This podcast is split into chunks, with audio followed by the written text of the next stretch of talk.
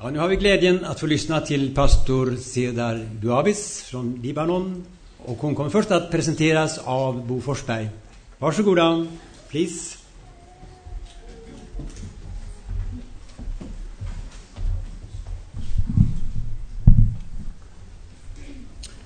Jag ska inte tolka. Eh, det ska Leif Newman från Diakonia så småningom göra. Men jag ville bara introducera lite kort Sidar, som inte är ifrån Libanon, utan från Palestina. Yes, only my name. Men det finns en koppling, vi förstår den. Men det är namnet. Men Sidar kommer från, ja, från Palestina.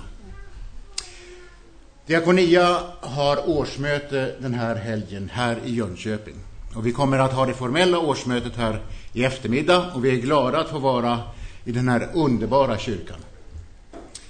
Men vi började redan igår i Allianskyrkan i Jönköping. Då vi hade en dag av workshops eh, och tematisk inriktning. Och ett av de teman vi hade valt i år, det var Israel och Palestina situationen. Diakoni har ett arbete runt om i vår värld med cirka 350 samarbetsorganisationer i 29 länder. Ett av dem är i Israel-Palestina. Sider arbetar för en av de organisationerna som finns i området.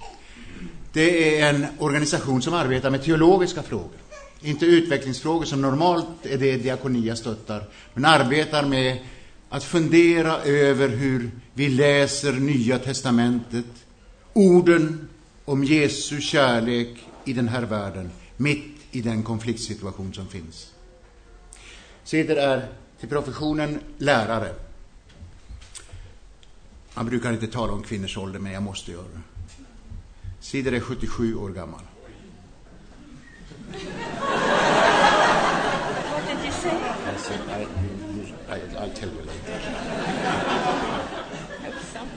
Men hon har en skärpa som jag avundas, lite yngre. Hon har gett sitt liv åt den här organisationen. Hon var med och grundade Sabil för länge sedan och gett mer eller mindre sitt liv åt de teologiska frågorna. Skrivit mycket.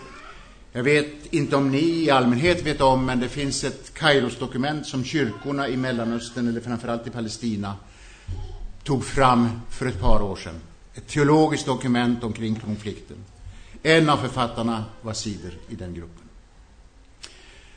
Vi bjöd in henne för att kunna leda oss i diakonia i det fortsatta teologiska arbetet med de utmaningar vi har. Och vi hade en underbar dag igår. Och nu får ni möjlighet att möta Sider och lyssna till hennes predikan här idag. Tack för att vi får vara och dela er gemenskap i kyrkan här idag. Sider, your eyes just said that uh, you are a wonderful woman. Oh, thank you. I hope. And, Thank you very much. Oh, and we, we look forward to listen to your preach today. Thank you very much. And I ask Leif to take my place now. Thanks a lot. Thank you.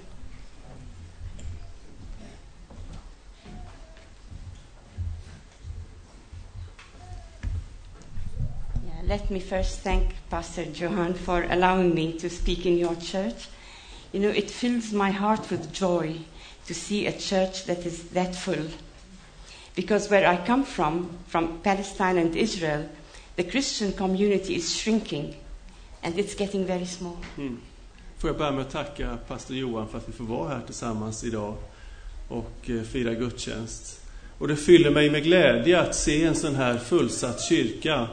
Eh, För det jag kommer ifrån i Palestina, där, där minskar kyrkorna, de är, de är små. Our churches are almost empty. There are a few people who come to church because we are a small number. But we cling onto Jesus' words Fear not, little flock. Vi, våra kyrkor är, är små och det är få som kommer till våra kyrkor. Men, men vi klänger oss fast vid Guds ord som säger att frukta inte min, min lilla flock. Jag är med er. So we are a little flock, but we fear not. Så vi är en liten flock, men vi är inte rädda. Our land is where the faith was born, where Christianity was born. Vårt land, det är där tron föddes, där kristenheten föddes. And the church has gone through many generations, good and bad. Och kyrkan har gått igenom många generationer, både goda och dåliga. We are now going through a very difficult time in our lives, and it has been going on for a very long time. Och just nu så går vi igenom en väldigt svår tid och den har pågått ganska länge. Our numbers are now just over 1% of the population. Och nu är de kristna är bara precis över en procent av befolkningen. Now, I am Palestinian. I'm a Palestinian Christian, and this identity is one. I can't say I'm just Christian or I'm just Palestinian. I'm a Palestinian Christian, and that's how I express my Christianity. Och jag är en kristen palestinier. Jag kan inte skilja på de två identiteterna. Jag är kristen och jag är palestinier. Jag är en kristen palestinier och det hänger ihop för mig. But being Palestinian means also that I'm an Arab, and my culture is an Arab culture and a Muslim culture in, in the whole of the Middle East. Och att vara palestinier betyder också att jag är arab och jag har en, kommer från arabisk kultur, från Mellanöstern och det här hänger ihop. En muslimsk och arabisk kultur.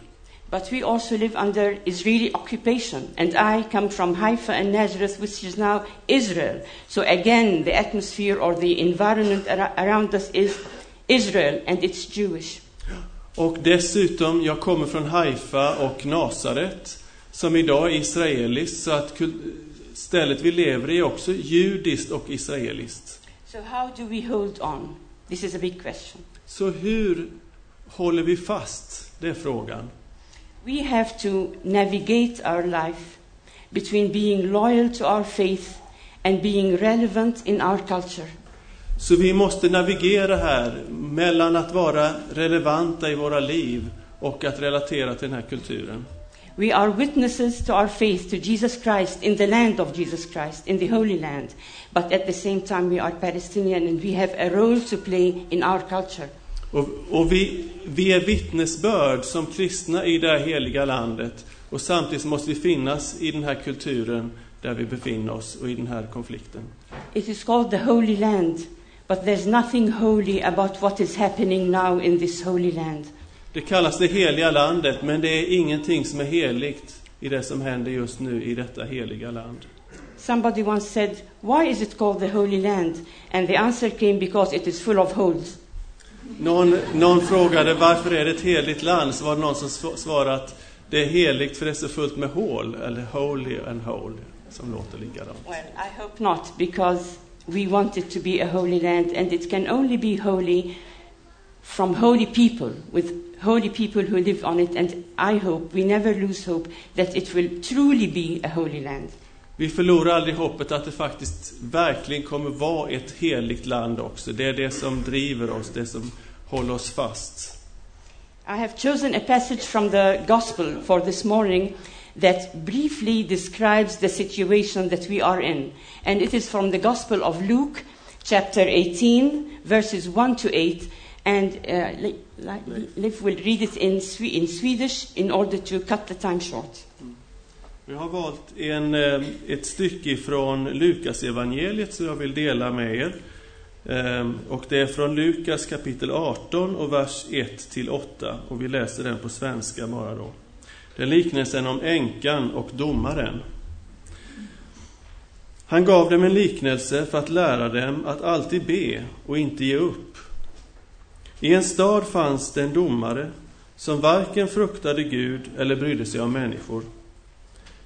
I samma stad fanns en änka och hon kom gång på gång till honom och sa Låt mig få ut av min motpart vad jag har rätt till.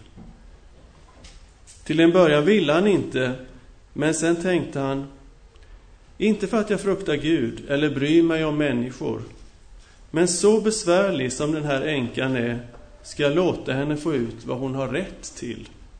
Annars pinar hon livet ur mig med sitt springande.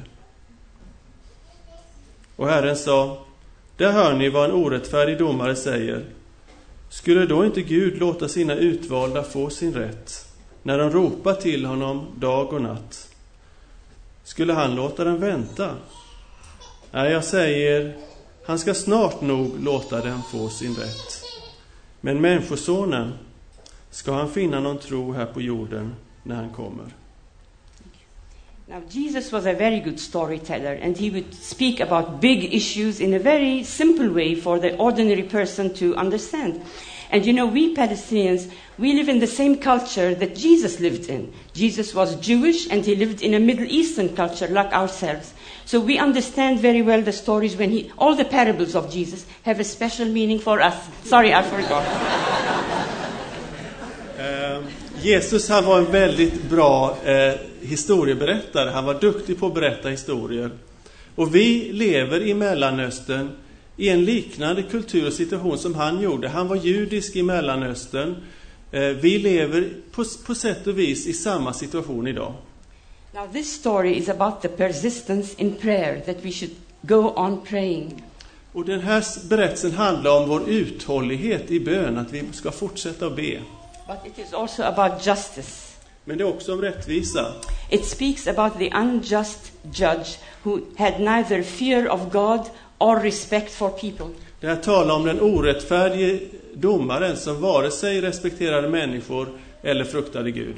We live in the same situation. Now, injustice can come from a judge or from a regime or from the environment. There is a lot of injustice around.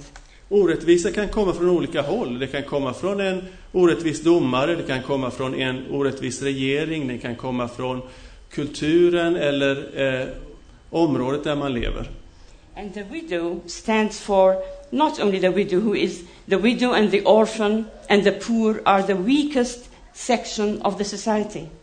Änkan, eh, den föräldralöse, den fattige, det står för de allra mest utsatta i samhället. We Palestinian Christians maybe are the weakest section of the society where we live. Och vi som kristna palestinier är kanske bland de mest utsatta i det samhället som vi lever. But we are as persistent as the widow in our prayer for justice and in our work for justice, in our prayer for peace and in our work to make peace. Och vi är precis lika uthålliga i våran bön för rättvisa, för fred och rättvisa. Many people believe that justice comes in the realm of politics. Många tror att eh, rättvisa kommer inom ramen för politiken. And sometimes in many churches, when we try to speak in the church, the pastor says, No, no, no, no politics in our church. Och ibland händer det att när vi är i kyrkorna och vi börjar prata om de här sakerna så säger pastorn nej, nej, nej, det här pratar vi inte om här, det är politik. But there is no aspect of life that is outside of faith. Men det finns ingen aspekt av livet som kan hållas utanför tron. And in the Bible, justice runs through the Bible from cover to cover. It is sometimes called righteousness, it is sometimes called truth, but it is the theme that runs through the Bible. Och rättvisa löper från perm till perm i Bibeln. Ibland kallas det för rättfärdighet, ibland kallas det för rättvisa. Och det ser vi genom hela Bibeln. At the end of this story, Jesus asks a very strange question that seems to be not relevant to the story. I slutet av den här berättelsen så, så eh, ställer Jesus en fråga som verkar, ja, den verkar inte helt relevant i den här berättelsen. Jesus says, When the Son of Man comes, will he find faith on earth? Han säger så här, men när Människosonen kommer ska han finna någon tro här på jorden. So he seems to have jumped from one subject to another. He was talking about justice, but now he's talking about faith. Han ser ut att hoppa från ett ämne till ett annat. Han talade om rättvisa och nu talar han om tro. Justice should be sought after not only by the oppressed or, or by the people who live under injustice, it should be sought after by those also who witness the injustice that's being done. Och rättvisa ska sökas inte bara av dem som är utsatta för orättvisor, utan de som också ser orättvisor bli begångna. And that takes courage. Only courage makes people speak the truth, fearless of what the consequences are. Och det kräver mod. Det är bara de som är modiga som vågar eh, uttala och säga det de ser. A person of faith cannot avoid speaking about justice and seeking justice, not only for themselves, but for everybody around the world. Och det är bara den som har tro som vågar stå för rättvisa, inte bara för sig själv utan för alla andra runt omkring på jorden. And it is when we are most discouraged, most abandoned, most fatigued that we must go on going on. Och det är när vi är som mest modfällda, när vi är som mest misströstade, när vi är som tröst, tröttast, så vi måste gå vidare. How do we do it? How do we Palestinian Christians do it? We follow the way of Jesus. Hur gör vi det här? Hur klarar vi av det? Hur klarar vi som palestinier av det? Ja, vi följer Jesu väg. And we summarize it in four points. Och vi, sum- vi summerar det här i fyra punkter. Like Jesus, we stand up for justice and truth without picking up the sword. Precis som Jesus så står vi upp för rättvisa och sanning utan att ta fram svärdet. We abandon the ways of the world, but we don't abandon the oppressed and the poor. Vi överger världens sätt att vara och vägar, men vi överger inte de förtryckta och de fattiga. We seek the humanity of the oppressor without giving in to appeasement or collaboration. Och vi söker mänskligheten hos dem som förtrycker oss utan att överge... Um, what, what did you say the last... Uh, Uh, Collaboration and appeasement. I Mm. mean, we seek the yeah, we seek the humanity of the Mm, oppressor yeah. without giving in Mm. to appeasement. Utan att ge upp det som eh, vi står för. We remain loyal to our faith without being without adhering to strict religion. Och vi är lojala till vår tro utan att fastna i religionen. Jesus lived under the Roman occupation. He lived under the Roman Empire. Jesus han levde under den romerska ockupationen i det romerska kejsardömet. But this is the way he led his life, and this is the way he asked his disciples and the little flock to follow him. Och det var så här han levde sitt liv. Det var så här han uppmanas hans lilla flock, hans lilla grupp att leva. When I first came to Sweden a few days ago, I could not feel, I could not but feel the peace and the relaxation and the, you know, the relaxed atmosphere and the beauty of your country. När jag kom till Sverige för några dagar sedan så bara jag kände eh, freden, eh, avslappnandet, lugnet som finns i det här landet. This is something that we have forgotten about. Det är något som vi tyvärr har glömt hur det är. We don't know what it means to live a normal life. Vi vet inte hur det är att leva ett normalt liv. And I just thought, as, as I was taken on a drive on a very sunny day, the day before yesterday, I wanted my loved ones, I wanted my people to come and feel it, only for a few hours. Och jag kände i förrgår när jag togs på en, en liten tur i det vackra sommarvädret att jag önskar att de som står mig nära och att mitt folk kunde få uppleva det här bara för några timmar. I pray to God that you will keep this, you will keep this beautiful and peaceful country. Och jag ber till Gud att ni ska få behålla det här underbara, fredliga landet. But I also hope that it will spread and spread and reach us and reach around the world. Och jag hoppas också och jag ber att det här ska spridas och spridas och nå ut över världen.